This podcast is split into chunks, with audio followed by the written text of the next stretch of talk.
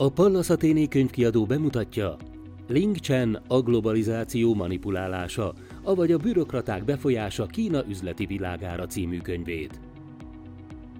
A 2000-es évek közepére az olcsó munkaerőre és az alacsony profitra alapozott gazdaságpolitikai modell kifulladt Kínában. Így a kormányzat új gazdaságpolitikai irányt jelölt ki, a külföldi működőtőke bevonzása helyett a hazai cégek technológiai versenyképességének növelését helyezte előtérbe. Ling Chen professzor új könyve részletesen és izgalmasan mutatja be a kapitalizmus többféle helyi változatának kialakulását és egymás melletti létezését Kínában. A Globalizáció manipulálása című könyv magyarországi bemutatóján meghívott vendégeink voltak. Csizmadia Norbert a Padme Alapítvány kuratóriumi elnöke. Losonc Miklós, a GKI Gazdaságkutató ZRT kutatásvezetője. Flik László, a Nézőpont Intézet elemzője, valamint Eszterhai Viktor, a Pallas Athéné Geopolitikai Kutatóintézet szenyor kutatója. Köszöntöm sok szeretettel vendégeinket, nagyon szépen köszönöm, hogy elfogadták a meghívást. Talán beszélgessünk a könyvről. Mm, mik voltak az első reflexiók, vagy mi az, amit tanulhatunk ebből a könyvből? Mi az, amitől különleges vagy érdekes lehet ebben a témában? Miklós.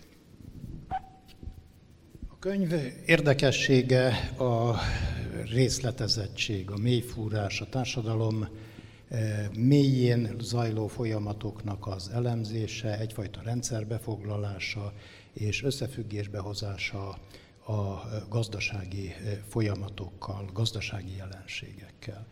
Ez hiánypótló jellegű a nemzetközi szakirodalomban.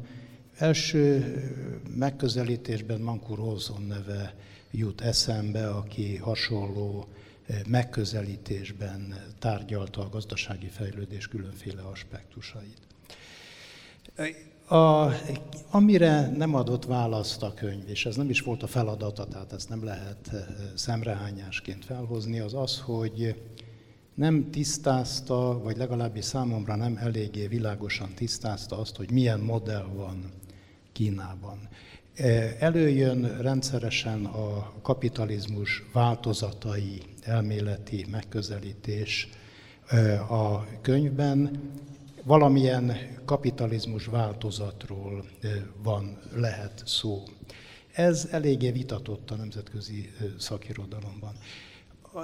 A részletek ismertetése helyett én egy dologra szeretném fölhívni a figyelmet. Magyarországon a Csanádi Máriának van a Közgazdaságtudományi Intézet kutatójának egy nagyon érdekes, véleményem szerint nemzetközileg is figyelemre méltó megközelítése, ez az interaktív pártállam, tehát ő abból indul ki, hogy Kínában kommunista rendszer van, a kommunista párt monopolizálja a hatalmat, és hát az alsóbb szinten a különféle az állami, a gazdasági és a párt vezetők erőviszonyaiból vezeti le a különféle mozgásokat. Ebből a szempontból hasonlít a könyvhöz. Csak azt szerettem volna mondani, hogy hát nincs új a nap alatt, azért a magyar kutatók is produkálnak érdekes dolgokat. Így van, ezt alá is tudjuk támasztani. Viktor? Bevallom, amikor először találkoztam a könyv címével, nagyon meglepődtem. Bürok, pontosabban az alcímével. Bürokraták befolyása Kína üzleti világára. Tehát nem, nem tudtam elképzelni, hogy, hogy pontosan mi lesz a megközelítési módja a könyvnek. Magam foglalkozom a, a kínen belüli társadalmi kapcsolatoknak a működési mechanizmusaival, és pontosan az egyik leg, legfontosabb jellegzetesség ezeknek a társadalmi kapcsolatoknak, hogy milyen nehezen átlátható, milyen nehezen feltérképezhető. És amikor az alcímet olvastam, megijedtem, hogy úristen, erről fog valahogy a könyv szólni, és, és hát biztos voltam benne, hogy a szerző valahol el fog veszni. Ezzel szemben, ahogy Miklós is említette, alapvetően arra a kérdésre igyekezett a könyv részben, empiri, részben kutatáson alapuló választ adni, hogy beszélhetünk-e egy ilyen egyszerűsített kapitalizmus képről Kína esetében, amelyet gyakran hangoztatunk, van-e, van-e, van-e irányító állam, van-e, van-e államkapitalizmus, vagy mint más kutatók leegyszerűsítik, azt mondják, hogy nagyon egyszerűen csak a piaci mechanizmusok a meghatározó Kína esetében. Ez a könyv amellett érvel, hogy ezek a leegyszerűsítések önmagukban nem állják meg a, a helyüket. A helyi szint, helyi szint kulcsfontosságú abból a szempontból, hogy miként, miként tud választ adni a globalizáció kihívásaira, a multinacionális vállalatokkal való együttműködés, a szerző szerint a kulcsa annak, hogy Kínában helyi szinten milyen modell érvényesül. Azt kell, hogy mondjam, hogy alapvetően kellemes meglepetés volt a könyv ebből a szempontból. Nem egy átpolitizált ideológiai síkon keresztül való vizsgálata volt a könyvnek, és nem egy, egy nehezen érthető eszmefuttatás volt csak azzal kapcsolatban, hogy a társadalmi viszonyok hogyan befolyásolják a gazdasági működést, hanem sokkal inkább egy, egy, egy valódi kutatáson alapuló, és, és azt gondolom, hogy hiánypótló kérdéseket feszegető könyvről van szó. Amelynek ugye azért az alapja a Kína kapcsolatban a hosszú távú tudatos tervezés. Tehát ez egyik ilyen mondat, tehát ami azért meghatározza. László, neked mi volt a benyomásod így a könyvvel kapcsolatban? Ugye már egy röviden szót váltottunk itt a beszélgetés megelőzően. Érdekes, hogy én a, a főcímet furcsáltam. Ugye egy globalizációt lehet manipulálni, és hogy tulajdonképpen ki manipulál, és hogy milyen manipuláció történt, ez számomra nem derült ki a könyvből. Ez többet elárul a szerző politika felfogásáról, illetve hát a gazdaságpolitika felfogásáról. Azt gondolja a legtöbb ember, vagy a legtöbb közgazdász talán, aki a, a mainstreamben megfogalmazza a gondolatait, hogy útfüggőség van. A globalizáció egy olyan dolog, amiben mindenki benne van, nincs döntés, hogy részt lehet benne venni, vagy nem lehet részt venni benne, és az útfüggőség azt jelenti, hogy egyirányú, tehát nem tudjuk befolyásolni a, a történéseket. Ebből a könyvből kiderül, hogy igenis lehet, még hogyha azt gondoljuk, hogy egy-egy feltörekvő ország csapda helyzetben is van, van lehetősége kitörni, és sajátos problémákkal kell szembesülnie. Ugye valóban ez a holisztikus szemlélettel ellentétben a, a kínai sajátosságokra koncentrál a, a könyv, és annyira olvasmányos és nem közgazdászi szemmel, vagy szakkifejezésekkel próbálja ezt az olvasó előtt tárni, hogy még számomra is olvasmányos és közértető volt, hiszen én nem vagyok Kína, sem Kína szakértő, sem gazdaság szakértő, politikai elemzőként is nagyon izgalmasnak találtam. Ami még izgalmas a könyvben, ugye, hogy térben és időben mutatja meg Kína gazdasági fejlődésének a speciális aspektusait. A kérdés az, hogy mi állhat ugye Kína gazdasági modell, szerkezeti modell váltásánál az egyik fő ilyen prioritásnál, hogyan vált Kína végül is gazdasági szuperhatalomnak? Csak az innováció és a technológia volt a meghatározó, vagy, ahogy a könyv is említi, ugye milyen különbségek vannak akár Shanghai és a Yangtze torkolat, vagy éppen a Shenzheni dél kantoni iparterületek fejlesztése között? Milyen aspektusú különbségek vannak? Viktor? A reformisítást követően Kína egy úgynevezett exportorientált gazdasági modellt valósított meg, amelynek a legfontosabb jellegzetesség, hogy a komparatív előnyét elsősorban Kínában az olcsó munkaerő biztosította. Ez ugye mindannyiunk számára ismert, az e- egyszerű, olcsó, alacsony hozzáadott értékű termékeket kötöttük Kínával, Kínához, és Kína ebben volt a globális piacon is versenyképes. A könyv azt vizsgálja meg, hogy valójában az, hogy az egyes helyi, az egyes régiók, az egyes városok hogyan tudtak becsatlakozni a globalizációban, nagyban annak a helyi vezetésnek volt a döntése, aki a külföldi működőtőkében eltérő célokat látott. Az egyik csoport az általad is említett Yangtze, Yangtze, folyó környéki városok, elsősorban, elsősorban Suzhou, azt az utat követte, hogy, hogy minél inkább teret biztosított a nagy multinacionális vállalatoknak, és ezáltal alárendelte a kínai vállalatok érdekeit a nagy multinacionális céloknak, multinacionális vállalatok céljainak. De a leg, legfontosabb szempont az volt, hogy minél nagyobb legyen e-, ez a beruházás, minél nagyobb márkanévvel. Ez ugyanis politikai szempontból kifizetődő volt a, a helyi elit számára. Ezzel szemben más városok, mint például Shenzhen, azt a stratégiát követték, hogy alapvetően a, a helyi vállalatok megerősítését tartották fő prioritásnak, ugyanis ez növelte a helyi adóbevételeket, biztosítva egyfajta hosszabb távú fejlődését a városnak. Ez a két eltérő stratégia kiegészült az államnak az ipar, a központi iparfejlesztési politikájával, amely egyre inkább azt tartotta fontosnak, hogy ne csupán az exportpiacokon legyen versenyképes Kína, hanem hosszú távú modernizációs céljának megfelelően kitörjön az úgynevezett közepesen fejlett országok csapdájából. Ez a két város által követett stratégia úgy kapcsolódik ehhez a központi célhoz, hogy azok a, azok a régiók, azok a városok lehettek sikeresek, amelyek a saját vállalatoknak a, a, a fejlesztésére koncentráltak, ugyanis ezek a későbbiekben is innovatívabbak voltak, és nem csupán a nagy multinacionális vállalatoknak a, a kiszolgálói voltak. Ugye nagyon érdekes az, az elképzelés is, hogyha északról megyünk délre, ugye a három nagy megarégió, tehát Peking és térsége, a másik ugye az előbb említett Shanghai, Guangzhou, tehát ugye a, a Yangtze folyó térsége, és lendélen pedig az úgynevezett ilyen Bay Area, tehát ugye a kanton Shenzhen, Hongkong. Tehát azt látjuk, hogy amíg Pekingben főként az informatika, most technológiai szempontból ugye a Lenovo, vagy akár a Xiaomi, addig ugye Shanghai, Guangzhou környékén az Alibaba, és lent pedig ugye már a Tencent, tehát ott már a mesterséges intelligenciára épülő technológia cégek és startup cégek a legfontosabbak. A, mennyire határozza meg ez az egész technológiai fejlődés Kína gazdaságát, hogy hogyan látjátok, tehát mennyire fontos ugye Kína gazdasági szuperhatalommá válásához maga a technológia, és még egy kérdés ehhez kapcsolódva, a technológiához kapcsolódva a fenntarthatóság. Ugye egy hosszú távú, fenntartható, ökológiai gondolkodásra épülő technológiai robbanásról beszélünk Kína kapcsán. Hogyan valósulhat ez meg? A növekedés hosszú időn keresztül a világgazdasági nyitás után, az 1990-es években a külföldi működőtőke beáramlásán alakult. Nekem az a benyomásom, hogy egy idő után már telítetté vált, vagy túltelítetté vált Kína.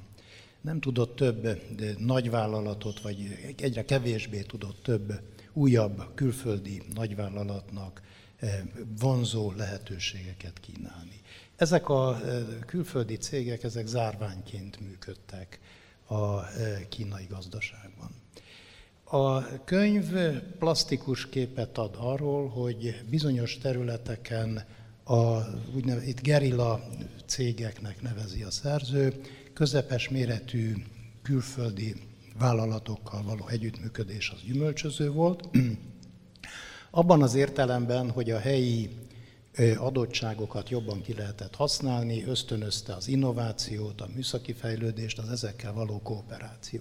Én ehhez azt is hozzá szeretném tenni, hogy nyilván az erőviszonyokban is kiegyenlítette, az erőviszonyok is kiegyenlítettebbek voltak, egy helyi gazdasági irányító intézmény, annak a hivatalnokai egyenrangú partnerei egy közepes méretű vállalatnak. De egyébként egy szoros összefüggés van az egyes jelenségek között, tehát a nagyvállalatok maguk után vonták a közép, közepes vállalatoknak a megjelenését, amelyek viszont hozzásegítették azt, hogy a gazdasági növekedés egy ilyen szélesebb talajra támaszkodjék, ösztönözte a a innovációt, kutatásfejlesztést, műszaki fejlesztést. Ugye, hogy vált szuperhatalommá Kína? Azért itt az első kérdés, ezt két kérdést egybe venném.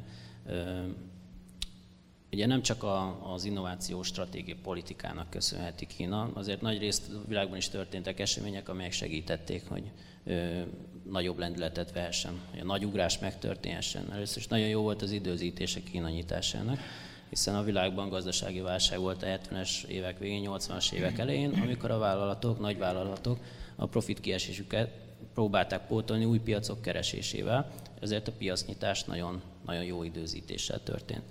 A másik ilyen, ilyen sajátosság, hogy ugye Kína nagyon nagy nyersanyagkészletekkel és nagyon nagy munkaerőpiacsal rendelkezik, mert amikor ezeket a kérdéseket feltesszük, hogy mégis mi Kína titka, És mi a szuperhatalommá válás receptje? akkor gyakran azt gondoljuk, hogy egy modellt keresünk, vagy úgy állunk hozzá ez a kérdéshez, de rengeteg dolog nem lemodellezhető, például ezek a sajátosságok. Ezeket figyelembe kell venni. Ami igazán elleshető Kínától, az a gondolkodásmód, és ahogy itt a felvezetőben is elhangzott, az a, a Made in China lecserélése a Created in China-ra. Ugye a, a, a kreáció, a teremtés valami új előállítása, az, hogy saját dolgot kell teremteni, erre kell törekedni, és talán ez lehet a közepes fejlettség szinten csapdába eső államoknak is a, a, a receptje, vagy az orvosság, tehát egy, egy újfajta gondolkodásmód.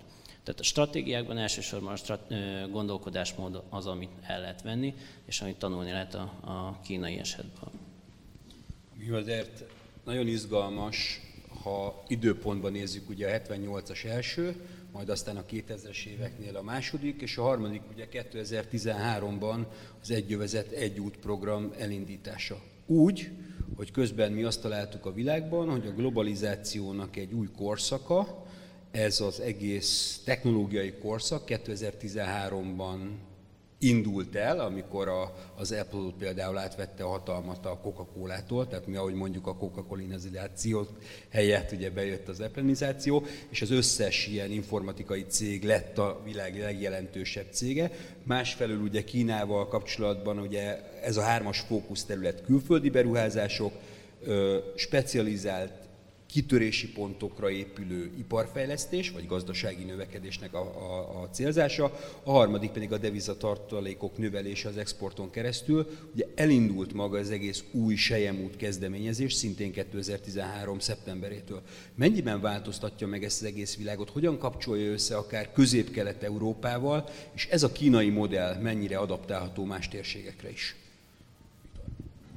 Gyorsan visszatérnék még egy pillanatra az előző kérdésre, már kapcsolódik. Én azt gondolom, hogy Kína gazdaság értelemben szuperhatalom, hogyha szuperhatalomnak azt a definícióját fogadjuk el, hogy képes világ bármelyik szereplőnek a viselkedését megváltoztatni.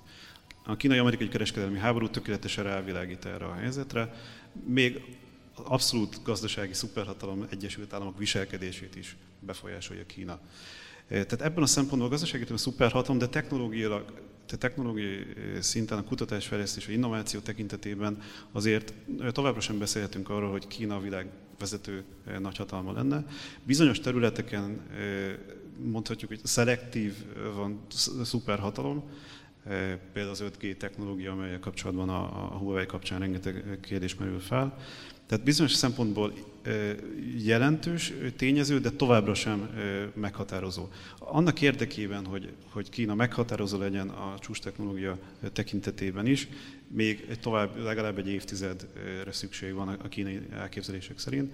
Ugye a hivatalos kínai dokumentumok 2030-ra teszik azt az időszakot, mire Kína a világban vezető, a tudományos kutatásfejlesztés és tudományos szempontból is a világ vezető hatalmával válhat. Az egyövezet egy út úgy kapcsolódik ehhez a kérdéshez, hogy annak érdekében, hogy érdemes legyen a, a nemzetközi gazdasági kapcsolatoknak az átalakítását végbevinni, aminek a célja az egyövezet egy út kezdeményezés, Eurázsia, Afrika kapcsolatrendszerének az átalakítása csak akkor, akkor lesz racionális, hogyha ez a, ez a ez a gazdasági szerkezetváltás sikeresen végbe megy Kínába. Nyilvánvalóan nem érdemes vasút fejlesztésbe fektetni akkor, hogyha nejlonzoknikat akarunk exportálni. De olyan termékekre van szükség, ami a legmagasabb hozzáadott értékű eh, termékeket jelenti. Tehát akkor lehet csak ezeket a kapcsolatrendszereket átalakítani, hogyha van megfelelő termék is hozzá, ez pedig eh, kéz kézben jár a, a, a gazdasági szerkezetváltozás kérdésével. Az irány egyértelmű, a legmagasabb hozzáadott értékű feldolgozóiparnak a, a képítése, amely magas, magas fejlettségű szolgáltatásokkal jár. Ez a kettő szerintem így függ össze. Igen, de ugye ez, ez érdekes is, hogy a Eurázsia, tehát aminek az egész korszakot egy eurázsiai felemelkedésnek hívjuk, ugye az összekapcsoltság vasúthálózatok részén, ott is elsősorban a magas hozzáadott értékű iparágak, termékek érkeznek Európába és kapcsolódnak össze. Tehát pont ezért, hogy a gyorsaság számít. Ugye pont ugye egy, egy új modellnek a megjelenése az két-három hetente lecserélődik, tehát emiatt azért fontos ez a fajta kereskedelem. Továbbadnám a szót, elnézést, nem akartam Miklós veled folytani, csak... Én, én másképpen látom ezt az egy vezet egy út projektet. Véleményem szerint inkább arról van szó, hogy Kínában, amit lehetett, infrastruktúrát azt megépítették, Super Express vonalak vannak, autópályahálózat, kétszer olyan hosszú az autópályahálózat, mint az amerikai Egyesült Államokban. Ennyi Super Express vonal nincs sehol a világon, mint Kínában. Van egy óriási építőipari kapacitás, fölösleges kapacitás, ezt valamilyen formában hasznosítani kell, és ehhez találtak egy ideológiát, egy stratégiát, ami bizonyos országoknak, amelyek a, ebbe a, ezen a vonalon fekszenek, érdekeit is szolgálhatja. Nyilván ez egy ilyen egyoldalú megközelítés, én a lényeget inkább ebben látom, természetesen egy sor más szempont is szerepet játszott ennek a kialakításában. Most eh, Viktorhoz még annyit hagy tegyek hozzá, hogy ugye te itt említetted az 5G technológiát, azért a mesterséges intelligenciáról sem szabad elfeledkezni, ott is Mivel vezető, Kína most világelső. világelső Kína, tehát itt lehet, hogy eh, a 2030-ra kitűzött célokat már előbb meg fogják valósítani, tekintettel arra, hogy talán Például Kínában a legmagasabb a kutatásfejlesztési kiadások aránya a GDP-hez viszonyítva. Mennyiség? 4 százalék körül van. 4, 4 százalék körül van. Utána ennél, ennél alacsonyabb a vezető nyugat-európai, Amerikai, illetve az Egyesült Államok, nyugat-európai országok aránya, Svédország, Németország.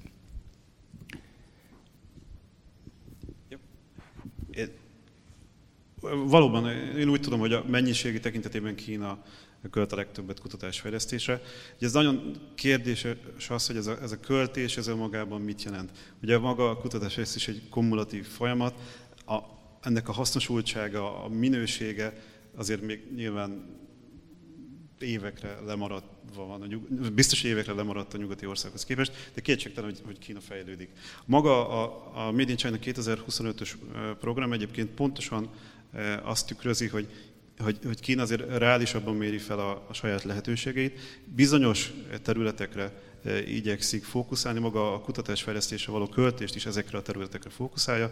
fókuszálja. Ez, ez tíz e, terület egyik egyébként pont a mesterséges intelligencia, és ezekben a, ezekben a, a, ebben a tíz kiválasztott területen szeretnék 2025-re a nyugati vállalatokkal versenyezni képes hazai vállalatokat kitermelni. Tehát ugye ez, ez az elsődleges célja majd meglátjuk, hogy lesz. Úgy tűnik jó irányba halad. Csak még egy szó, hogy milyen lehetőség van a, a, a kínai birodalmi építésben és a szuperhatalommá válás útján. Nem tudom, hogy elgondolkodtunk-e azon, hogy mit jelent ez az egy jövezet, egy út, és mennyivel másabb a korábbi birodalmi építési stílusokhoz képest. Hiszen láttunk már egy birodalomépítést, ez a második világháborút követően lehetőséget adott az amerikai Egyesült Államoknak. Ugye csúnyán szólva, tehát ez pejoratív értelme is van a birodalomépítésnek, de mégiscsak ez történt, amiben nagyon nagy versenyelőnyre tetszett az Egyesült Államok a másik világháború alatt, majd azt követően a hidegháború kontextusában a déli államokat és hát az elmaradott vagy a fejlődő államokat próbálta szövetségesévé tenni, és ugye már a stílusbeli különbség az ebből is adódik. Ugye a fejlődő országok kifejezést is az Egyesült Államok találta ki, mivel félt attól, hogyha szegény országoknak nevezi az elmaradott országokat, akkor a kommunista pólus hamarabb szövetségesévé teszi majd az afrikai vagy a latin-amerikai országokat. Tehát egy hierarchikus szövetségépítési folyamat indult el, ez volt az amerikai Egyesült Államok stratégiája. Ugye a fejlődő állam, a, a, el lehet érni az amerikai álmot, a fejlett amerikai színvonalat, az egy teljesen más üzenet jobban hangzik, mint a szegény állam kifejezés, míg az egy jövezet, egy út, az teljesen más pozicionálást jelent. Kína úgy pozícionálja önmagát, mint továbbra is, mint feltörekvő állam. Kína nem pozícionálja úgy magát, mint szuperhatalom, egyáltalán nem csábít olyan ígéretekkel, amelyet csak ő tud megvalósítani. Ő egyenrangú és nem vertikális, hanem horizontális szövetségi alkukat kíván, kínál. És az egy jövezet, egy út rendszerben megszólítja azokat az országokat, illetve közösségeket, amelyekben megtalálja a közös hangot, és közös pontokat keres, amiben mindenkinek megérheti. Tehát én csak a stílusról beszélek, hogy ebben bizony nagyobb különbség van, hiszen nehezebben támadható, hiszen hogyha bilaterális egyességeket köt, vagy egy-egy régióval, mint például Nyugat, vagy az Európai Unión belül a az Európai Unión belül mindenki fejlett országnak számít, de mégiscsak vannak a nyugati korábbi tagállamok, és vannak a felzárkózók, kelet-közép-európai tagállamok, mint mi is, vannak a felzárkózók, akikkel megtalálja közös hangot a feltörekvő Kína. Vannak a fejlődő latin-amerikai államok, akikkel megtalálja közös hangot a feltörekvő Kína. És feltörekvő Kína egyébként megtalálhatná a hangot a, a, közel, a, a, a távol-keleten más országokkal is, de ugye Kínának más a renoméja, illetve a presztízse, a, a nemzetközi imázsa abban a térségben. Tehát én úgy gondolom, hogy a diplomáciában nagyon is megvan a, a lehetősége, hiszen a stílust megtalálták, és civilizációban, kulturálisan biztos bizony nagyon más hagyományai vannak a, a kínai politikának. És még egy szó Amerika kapcsán, ugye a mesterséges intelligencia, mesterséges intelligenciája jövő, és az adaté a jövő. Egyesek azt mondják, hogy az adat lesz a, a 21. század kőolaja, és ebből a tekintetben Kína lesz az új Szaudarábia. Úgyhogy Amerikának joggal van félni valója, illetve azt is mondják, nálam ez jobban értő szakértők, hogy a következő évtized fejlesztései, innovációban másfélszer nagyobb részesedése lesz Kínának, mint az Egyesült Államoknak, és amit a politika világából tudok mondani, az az, hogy az erő mindig ellenerőt szül, úgyhogy ha meg értékelni akarjuk a, a kínai gazdaságpolitika és fejlesztéspolitika sikerességét, akkor azt le tudjuk mérni az amerikai reakciókon, hiszen csak az, az kezd ilyen háborúba, folyamatos vámemelésekbe és alkukényszerekbe próbálja szorítani ellenfét, aki, aki bizony meg van fogva, illetve veszélyeztetve érzi a pozícióját, tehát a trendeket, az általunk vizionált trendeket igazolja az amerikai Egyesült Államok fellépése is. Köszönöm szépen. Azt gondolom, hogy ez végszokként is egy jó és klassz dolog. Annyit az egyövezet egy út kezdeményezés. Ugye 13-ban, amikor elindult, 64 ország csatlakozott. Most, amikor Pekingben volt az egyövezet egy út, egyövezet egy út csúcs, akkor nagyjából 125 ország, 29 nemzetközi szervezete, több mint 170 együttműködési megállapodást írt alá 1000 milliárd dollár tekintetében, tehát ebben is látszódik, hogy Kínának ez az egész új eljövendő eurázsiai korszaka, amely hosszú távú, fenntarthatóságra épít, növekedésre épít, és ahogy te is említetted, egy békés együttműködés kínál, egy igazi win-win kooperációt.